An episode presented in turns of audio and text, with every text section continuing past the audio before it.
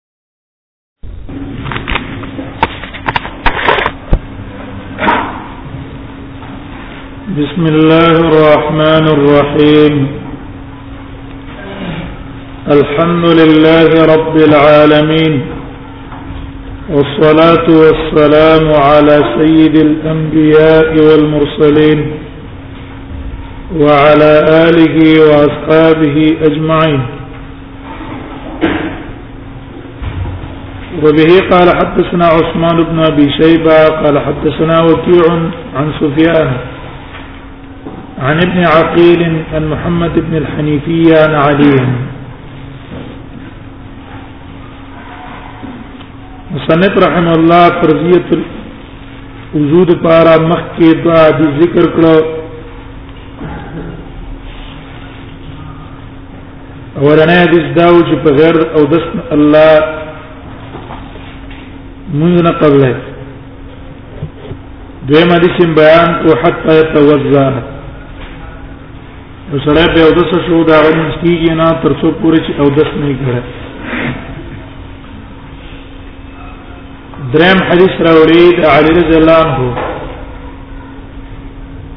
چې پای کې دا ثابت دی چې مانځ ته ورننه وځي په او داس باندې به ورځي په غیر د او داس سره مونږ تعالی کول جوړ دي نه د علی بن ابي طالب رضی الله عنه روایت ده محمد ابن الحنيفيه دا د علی رضی الله عنه زوی ده او د بنو حنیفه نه یو انځنی ولوا هغه نه دا د علی نشوه ده نو ځکه هغه ته نسبت کیږي او حسن او حسین دا د نبی صلی الله علیه وسلم په اولاد کې وی علی بن ابي طالب وایي علی ابن ابي طالب د نبی صلی الله علیه وسلم د ترزوی ده د کنیو ابو الحسن اول من اسلم من الصبيان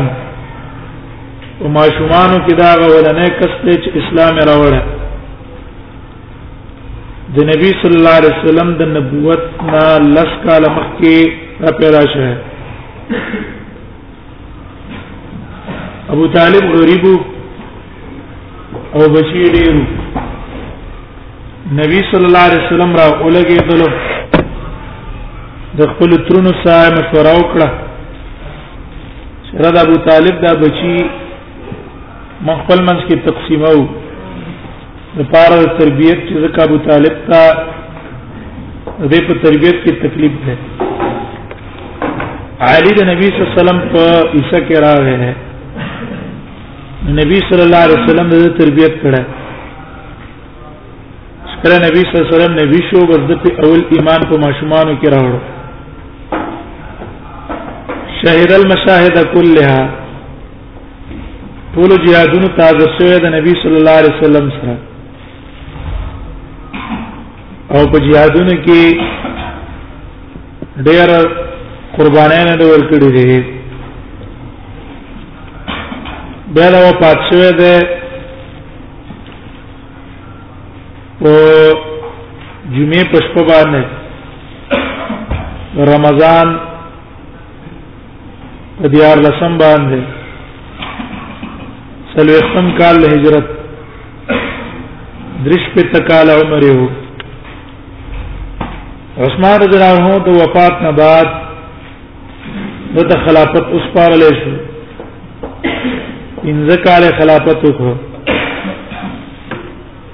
عبد الرحمن ابن ملجم دا یو خارجي اگر اولګې دو په علی رضی الله عنه حمله وکړه او داغه د گزار نه به دې شهید شو فضائل د په حدیثو کې ډېر راغلي ټول روایتونه چې دنه نقل لې پنځه سوا شپږ اتیا روایتونه ته نقل لې متفق عليه المتفق عليه دا بیس روایتونه دي شل روایتونه الروايات المتفقه هغه روایتونه چې بخاری او مسلم دوه راوړي د علي شل دي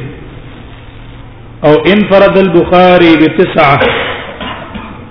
ومسلم بخمسه امام بخاری نه روایتونه د علی راوړي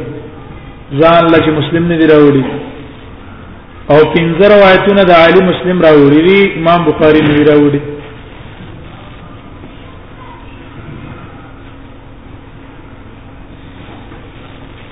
دا وای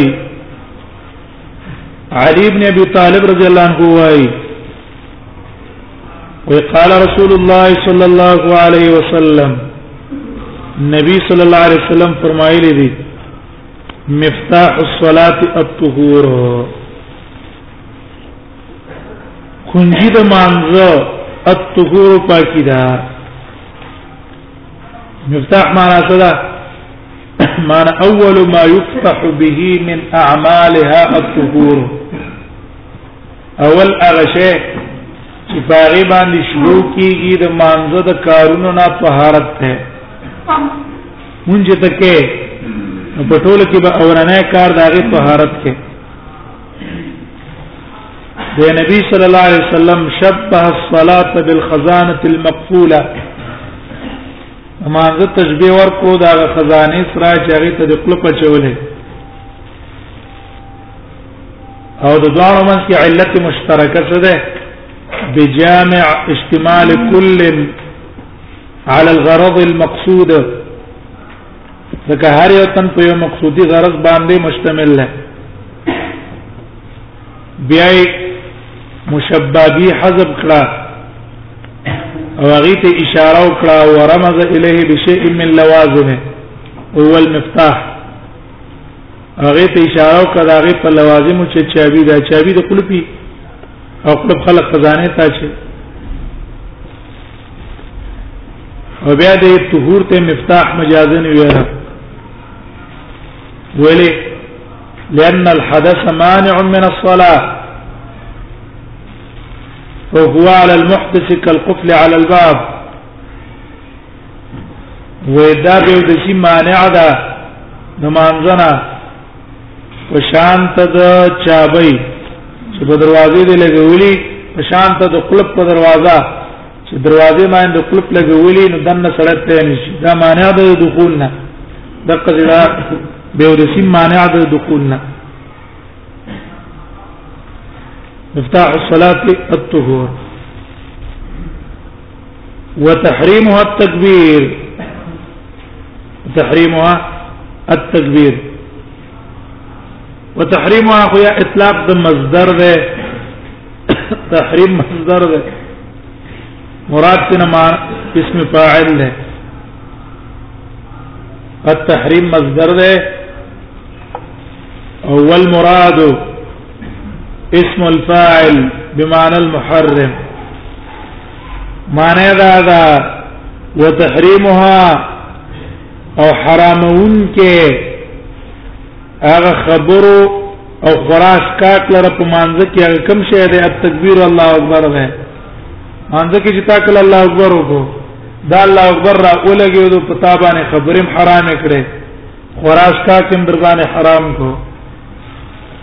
نو مصدر په معنا ده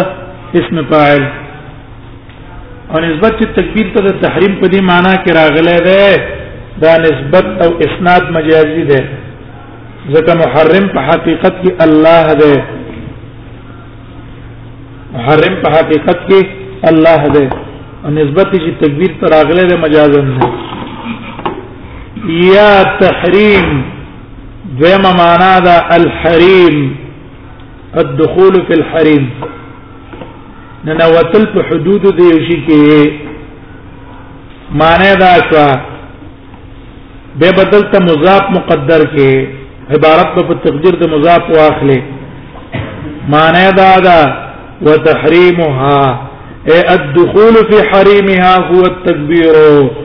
او ورننه وتل په حریم د مانځ کې په څه باندې راځي الله اکبر راځي ته چې د مانځ ته دنه ورننه وځي او د هغه حدود ته ورننه وځي په کوم لپس ورننه وځي الله اکبر ورننه وځي وتحليلها التسليم وتحليلها التسليم او حلالون کې لیکن دغه معنا ده وتحلیلها ولیکن دغه معنا شو یا تحلیل مصدر ده په معنا د اسم فاعل معنا محلل او خبري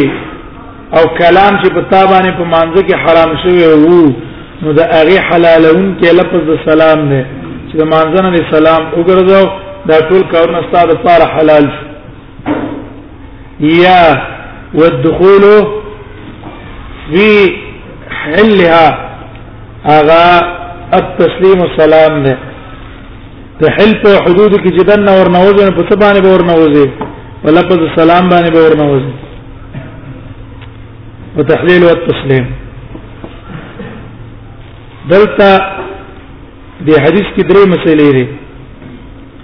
دا حدیث مشتمل دی په درې احکامو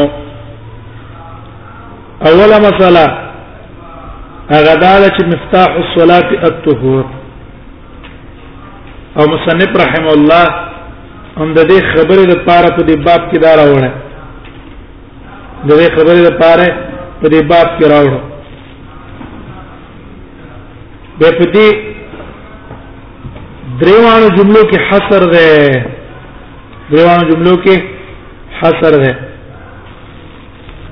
او حصر په دوه طریقو ده حصر معنا دا ده چې کنجي د مانځ صرف طهارت ته بل نه ده دا نه مانځ ته ورنه وتل صرف الله اکبر سره دي په بل شي نه دي مانځنه وتل صرف په سلام سره دي په بل شي نه دي دا معنا د حصر شوه هر جمله کې حصر دی د دوو طریقو دوو طریقو یو وجه د حصر دا ده چې مفتاح الصلاه مفتاح مضاف ته صلات مضاف الیه مضاف سره مضاف الیه مبتدا ده الصلاه خبر ده مبتدا سره د خبر نه جمله اسمیه شو مبتدا معرفه ده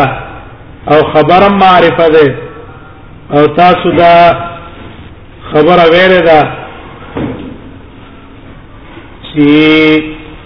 تعريف الجزئين يفيد الحصر والاختصاص چې مبتدا او خبر دواړه معرفي وي هغه کې معنا د څه ده الته معنا د تخصیص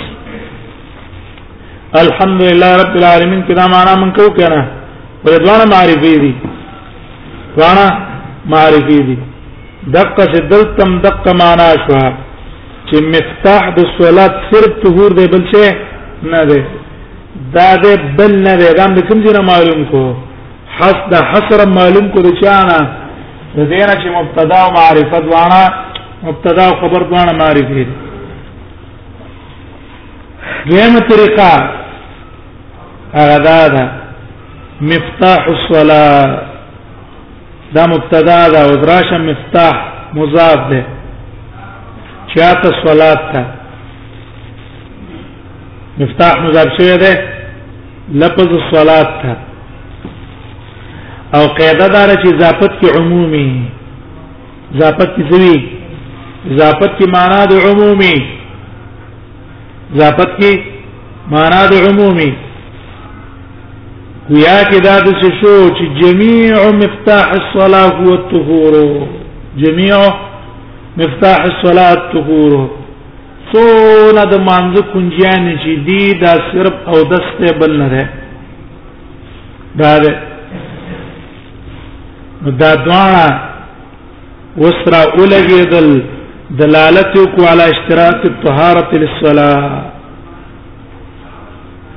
چې مونږ د پاره او د شرط ده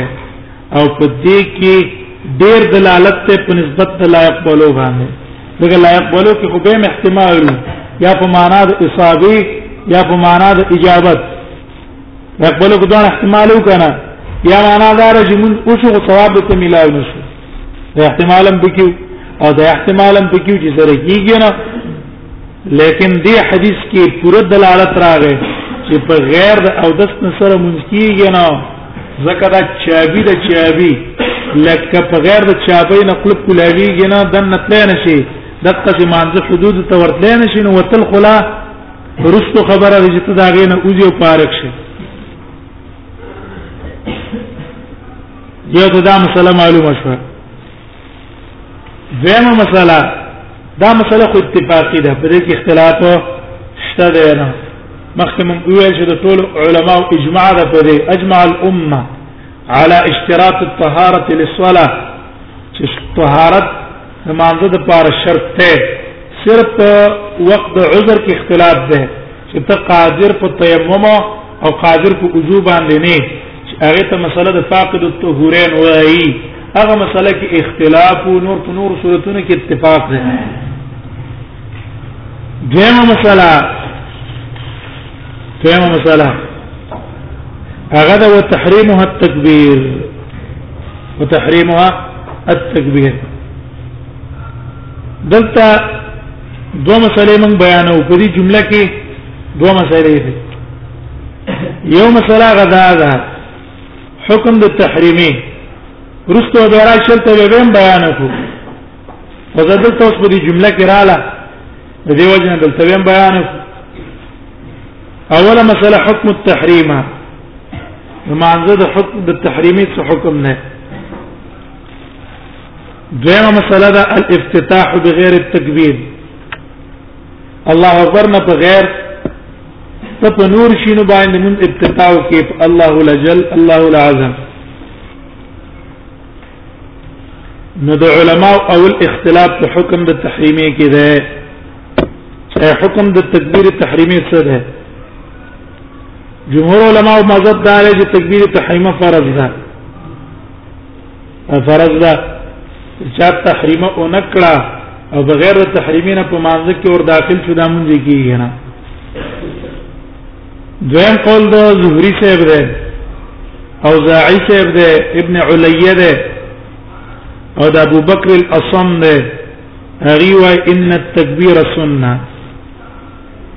دا الله اکبر باندې په مانځ کې ورنه وتل یا الله په بل پنوم باندې په مانځ کې ورنه وتل دا سنت دی واجب نه دی بیا د جمهور په منځ کې اختلاف دی احناف علما او تکبیر تحریم شرط د پاره د صحت د صلات شرط د پاره د صحت د صلات او د جمهور علما په نسبت رکن دی رکن باقی رکن او شرط است معلوم دی شرط ویل کی خارج عن الشی او رکن ویل کی ستا داخل علی الشی رکن هغه ته وی چې مبنا د شی په دی باندې دا د شی جزئی او شرط جز نه خارجي شرط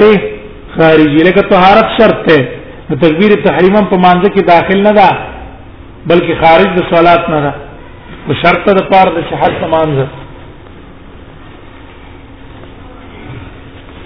دیم مساله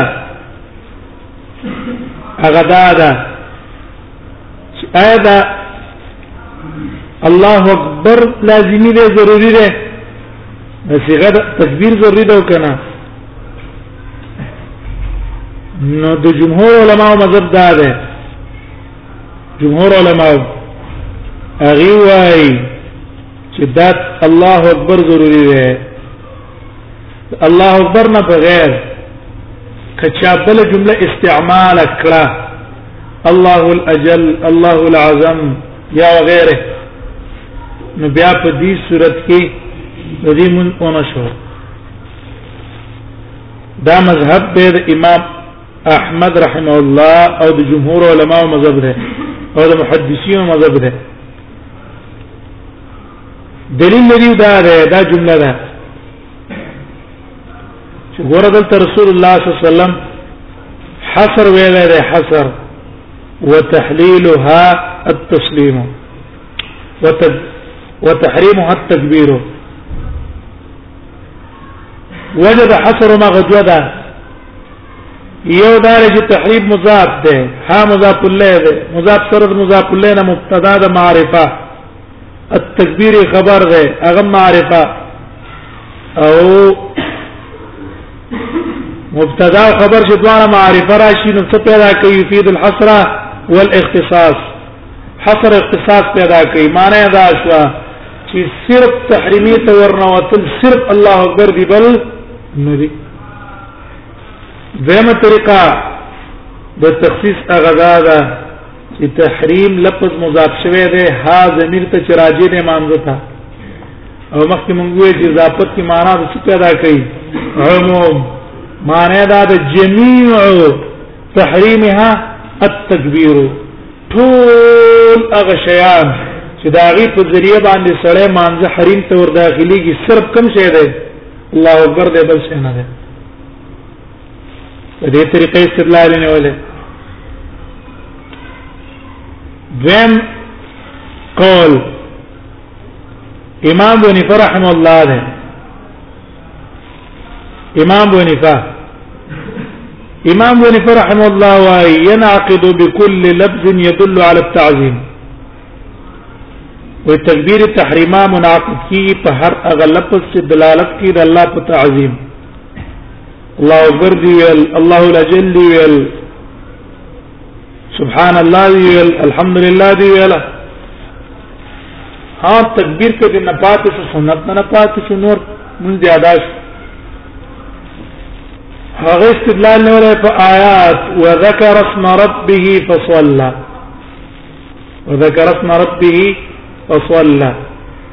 وی دا الله نوم یاد او ذکر اسم ربی شامل له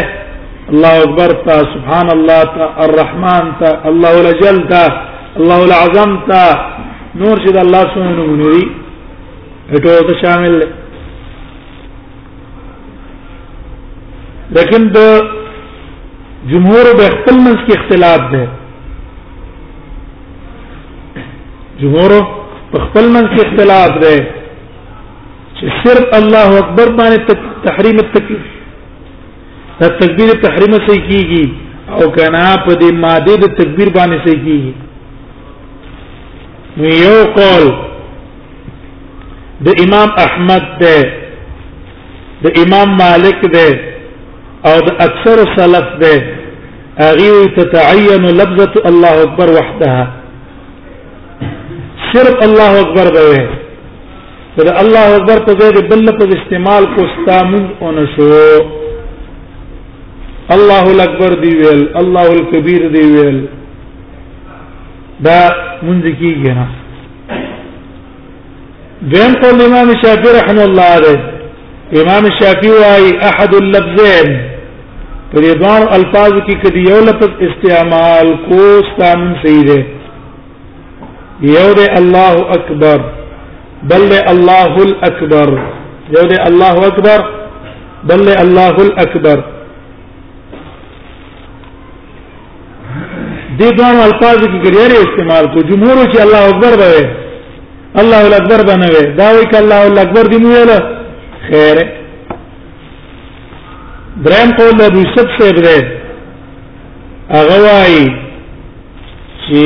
يجوز استعمال ماده التكبير وماده التكبير استعمال کا الله اکبر الله کبیر الله الاکبر الله الکبیر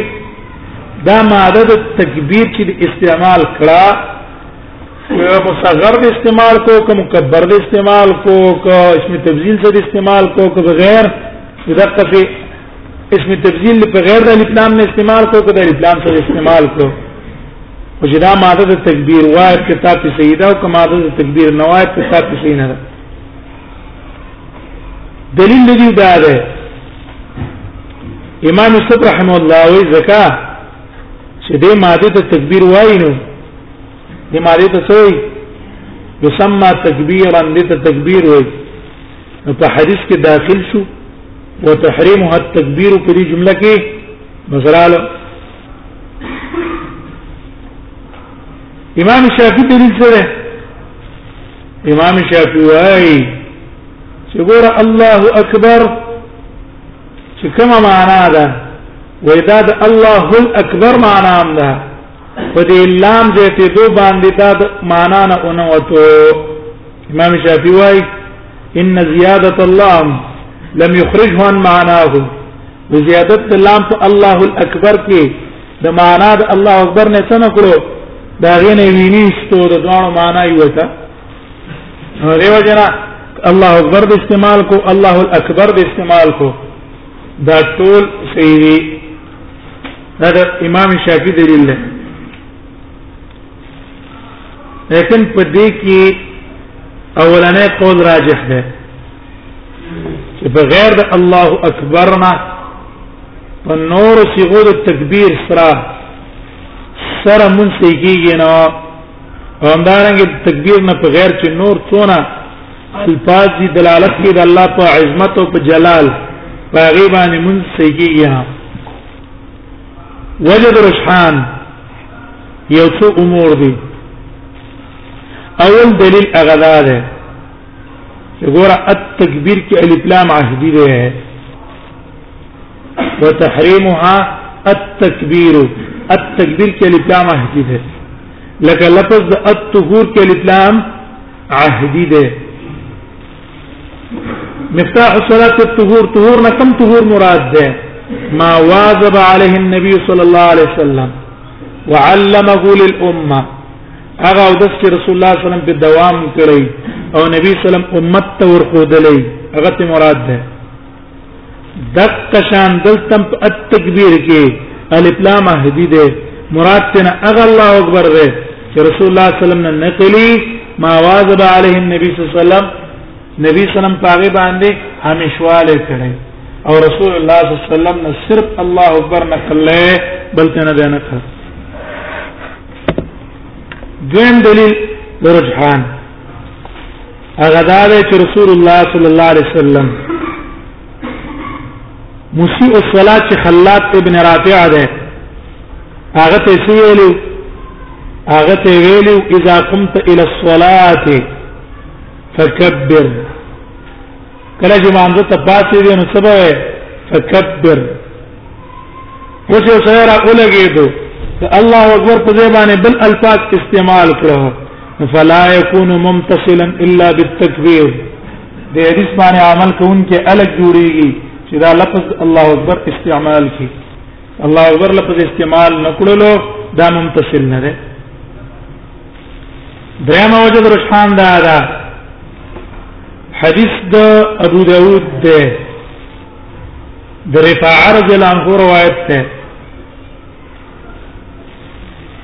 وی رسول الله صلی الله علیه وسلم فرمایلی دی لا يقبل الله صلاة امرئ لا يقبل الله صلاة امرئ حتى يضع الطهور مواضعه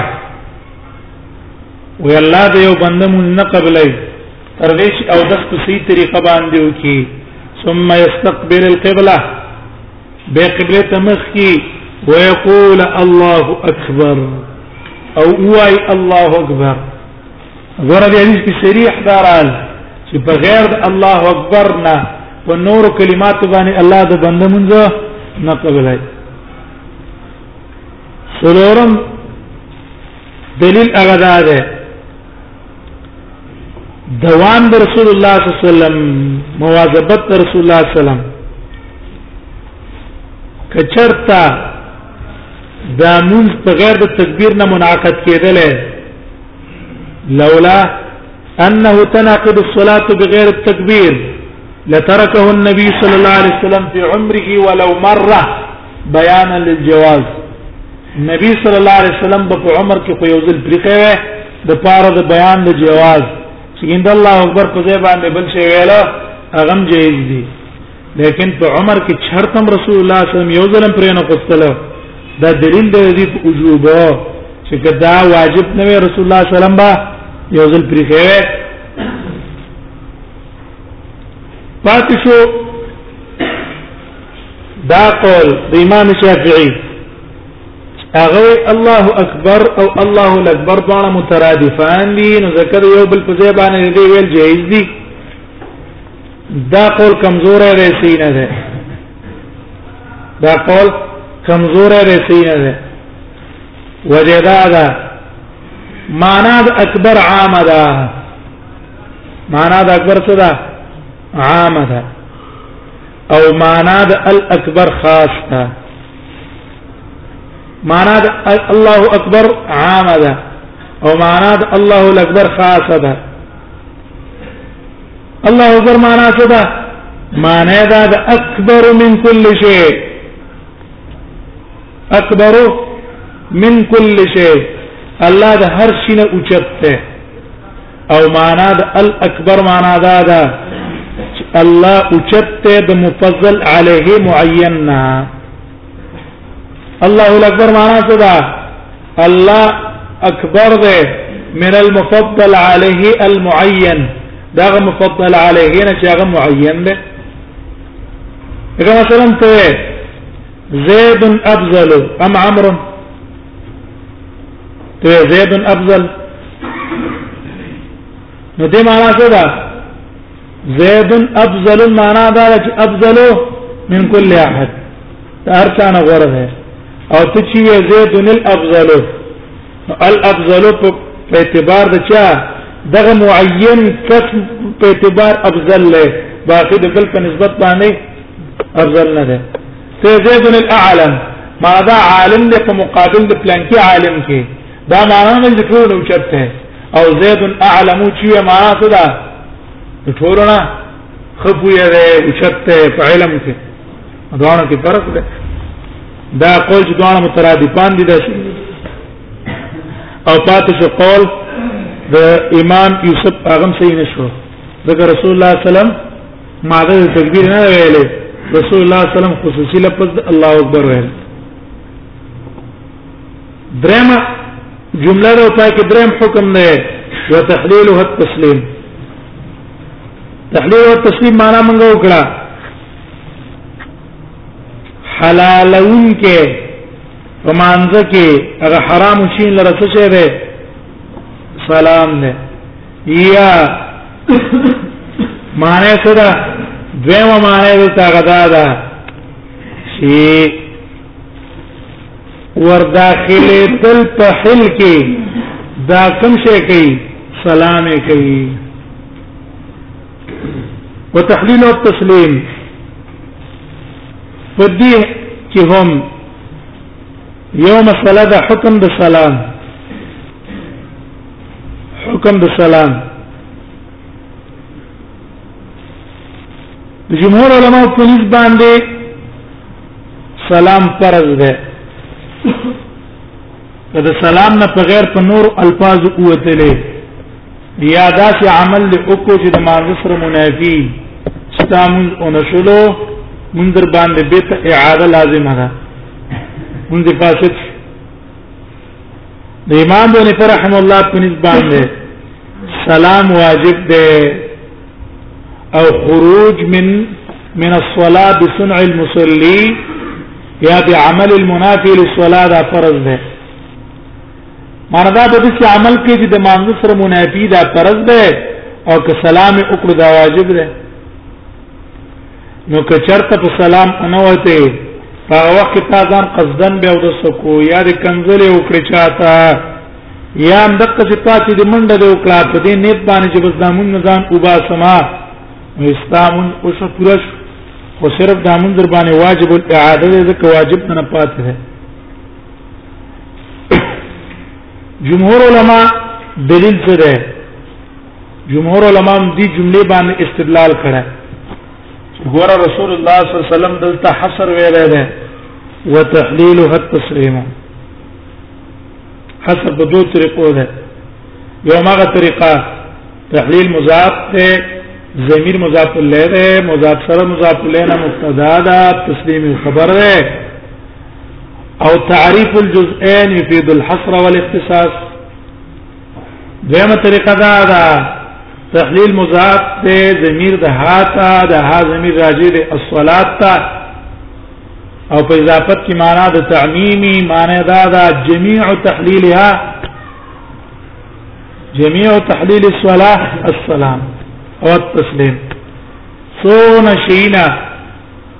چې د مانځه د وتلو څونه اشیاء دي هغه صرف سلام دی بل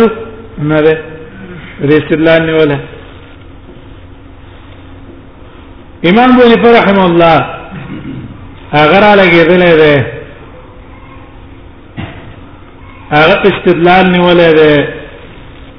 په دې خبره چې سلام فرض نه ده بلکې سلام واجب ده حدیث عبد الله بن مسعود کتاب الصلاة کې را روان ده کتاب الصلاة کی دا روایت ته تشهود و اذا قلت هذا او قضيت هذا فقد قضيت صلاتك ان شئت ان تقوم فقم وان شئت ان تقعد فاقعد اذا قلت هذا او فعلت هذا فقد قضيت صلاتك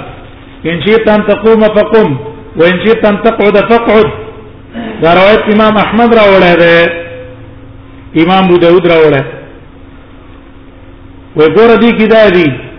یا تحیات لله ذکر اشهد ان لا اله الا انت ورسول عبد ورسول ته وی او یا دون مقدار باندې کې ناس کې فقط قضیت صلاتک سامن پوره شو اوس د خوخه د انشي تن ته قوم په قوم پاسېږي پاسېږي کې ګینه کیه نو ګورا که سلام فرض وې نبی سلام مدد ته قضا د مانځنه ویلې بلکې ته ویلې به چې ودرېګه سلام وګرځې مونږ به لوش دیو جن موږ د دې حدیث د وجنه بس واجب ته ویل اخرجه احمد وابو داود دویم دلیل لاغی دا ده چې کدا سلام فرض وې معنا وتل مانځنه په سلام سره فرض وې نو لعلمه النبي صلی الله علیه وسلم المسيء الصلاه نبی صلی الله علیه وسلم هغه صحابي ته چې هغه مونږ وران کړو نبی صلی الله علیه وسلم هغه ته مونږ طریقه ور خوذلا هغه کې ته سلام نه دی خودلې چې ته سلام اړه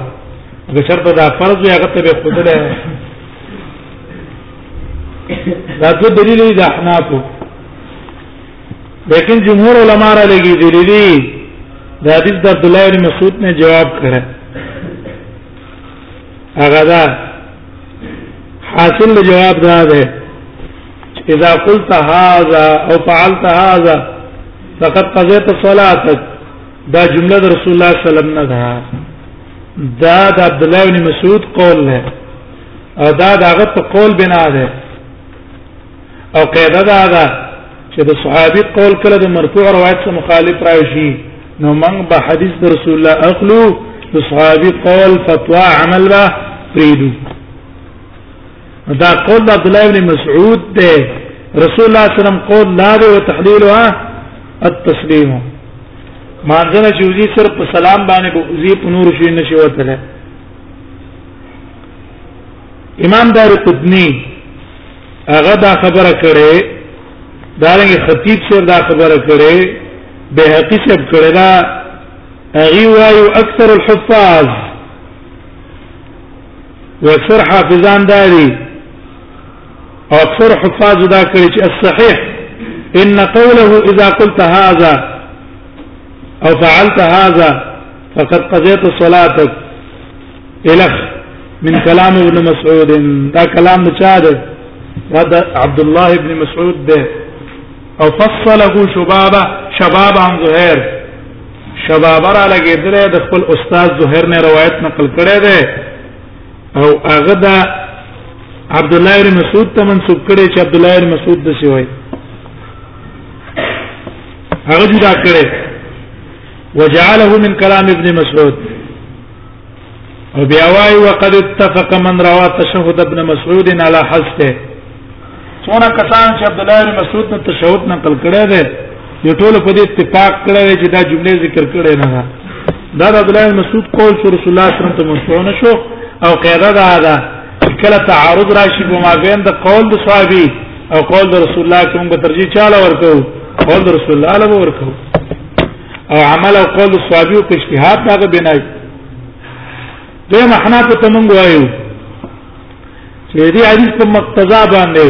ومن پوره شوی دی فقط قضیت الصلاه نو تاسو خو به مونږ واجب العاده وایي مونږ واجب العاده وایي چې په دې حدیث باندې قول کوي نو په کار دی چې مونږ پوره شي واجب العاده او تونه ویل شي او تاسو یې چې ته مونږ څه کوي مونږ به تر راګرځي ارچی دیم استدلال د دې ده چې رسول الله صلی الله علیه وسلم مسیح صلوات نه دی خودلې دا غي جواب دا ده چې ګوره ډېر مصلیب مسیح صلوات ته خودلې نه دي او حال لا چې واجب دي هغه واجب دي ډېر خبره شي دي مسیح صلوات ته نه خودلې دی واجب نو بیا خو په کار دار چې یو هغه مونږ نه مانی ها مسیو صلات ته ځکه نه کو دی لري چې مسیو صلات خو پر جس کې خطا نه هر جس کې خطا نه بلکې صحابه ته دا مسله معلومه و چې هغه به د مانځنه په غیر د سلام نه په غیر په بل طریقه وتلبنه دا مسله ته معلومه و دیو رسول الله صلی الله علیه وسلم دا غي ذکر او ته اونکړو دا دلیلم صحیح نه ده وتحليل والتسليم هم به دي علماء خپل منځ کې بیا اختلاف دی په سلام کې چې دو سلام دي اولنې سلام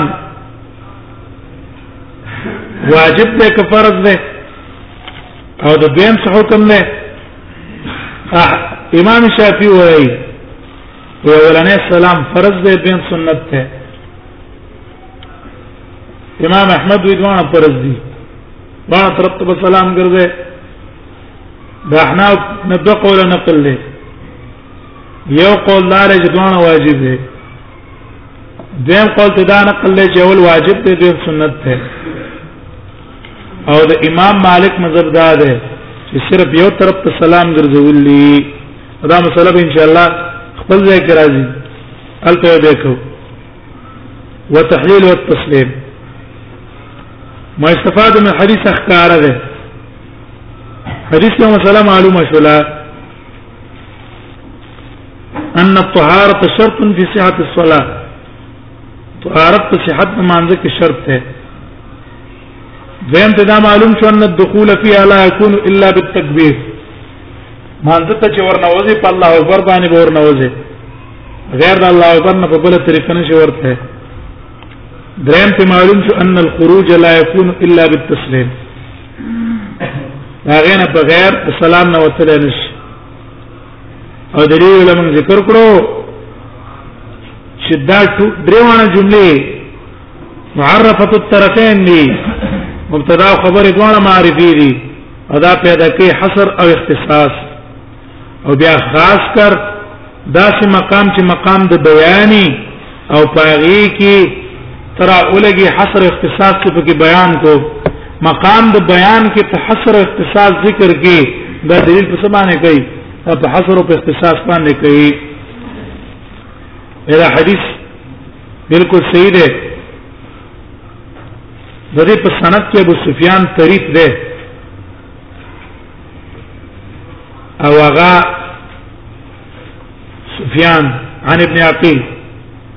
پای کې له علماء کلام کړه امام ترمذی بیا وايي حدیث علی اجود اسنادا من هذا ودا سند په اعتبار باندې به قوي ده او د نورو هو د وجنه شواهد د وجنه دا روایت صحیح صحیح ده باب الرجل يجدد الوضوء من غير حدث باب باندې دې کې وسړی او د سکي په غیر د به او د سینا دا غي فضیلت څنګه ده او د سشتا مانزه ټیم راغې تر اولګي تجدید او دسکه دا تجدید او د څنګه ده باب ما يجدد الوضوء معنى ما يدل على الترغيب في تجديد الوضوء دا هغه چا د پاره چې دا به ودسه نه غرض په کې طلب زیادت او د ثوابي به تجدید وجود پاره غره شرط ده چې تابه دا او د سکړی او په دې او د سپانه به ادا دی قربت به کړی یا په وخت تیر شوی به تجدید تعالی جائز ده سلام دستو کو تلاوت کو او دستو کو نفل په کړو او دستو کو خبرې دې کړو وخت تیر شو بیا پس دا نه تاو دس کې ټیک ده تاو دس کو لاسن دوه وخت کې کړی نه بیا او دس کې دا بیا تجدید الوضو کې نه داخل لا به پیشراب کې داخل نه تجدید الوضو مسله مسله بیان ہے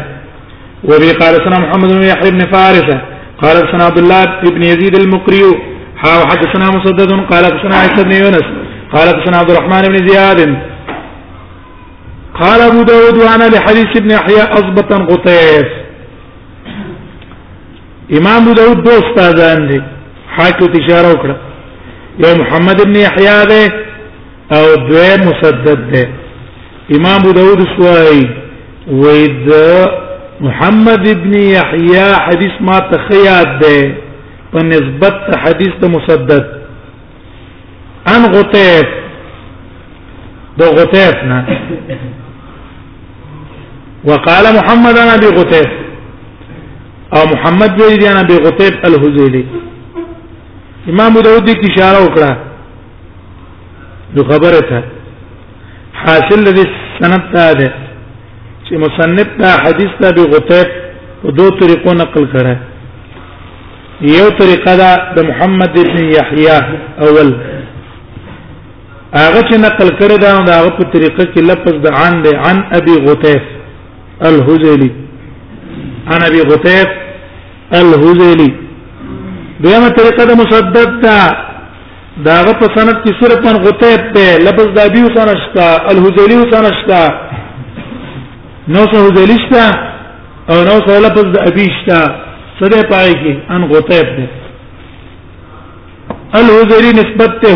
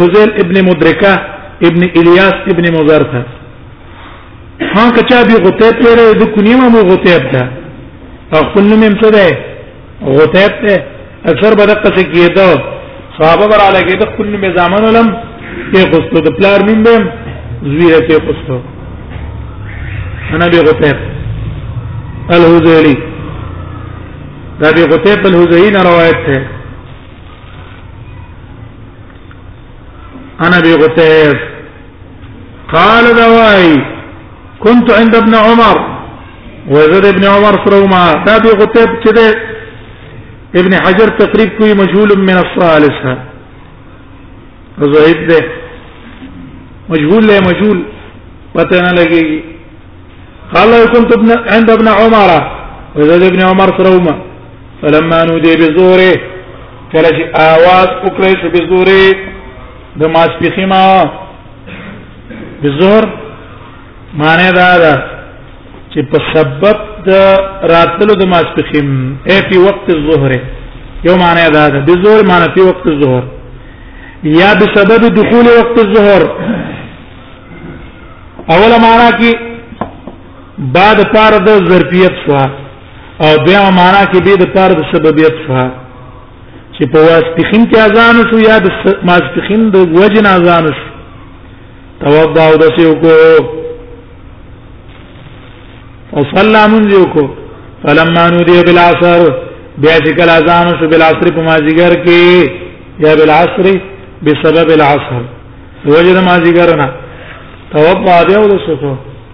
فقلت له ما ته یې ما ته پوښتنه کو د ابن عمر نه په بار د سبب په تجدید الوضو کې چې دا دوباره د استاول یو کو اقار ناغره په سبب کې ویل کان رسول الله صلی الله علیه وسلم یقول وی رسول الله صلی الله علیه وسلم فرمایل من توضع على طهر چاچ او دس کو على طهر په طهارت د پاسا فارد د پاسه هغه باندې او د سکو كتب له عشر عشر حسنات وبل کله چې د پاره لس نه کوي الله بدلا لس نه کې ولګي ما وې دیو جن دا ولیک دا اوس مې وکړو كتب له عشر حسنات ما استفاد من الحديث حديثنا مثلا معلومه شولا حديثنا استحباب تجديد الاذول كل صلاه هر ما مانزه پار او دس کول مستحب دي لا فرق بين المقيم والمسافر كمقيم وكمسافرين دا مذهب دی د جمهور علما او د محدثینو بعضو کسانو فرق کړی دی چې مسافر د پاره تجدید او دس جائز دی او د مقیم د پاره نه جائز یا عکس نه اس پر ضرورت پکشته دی نه دا د پاره جائز دی او وضو علی الوضو دا سبب دی د پاره د چتوالی د درجات او د پاره د رفع او زیادت د حسنات په دې باندې انسان نه کېنه دیږي امام داودی واځه حدیث مسدد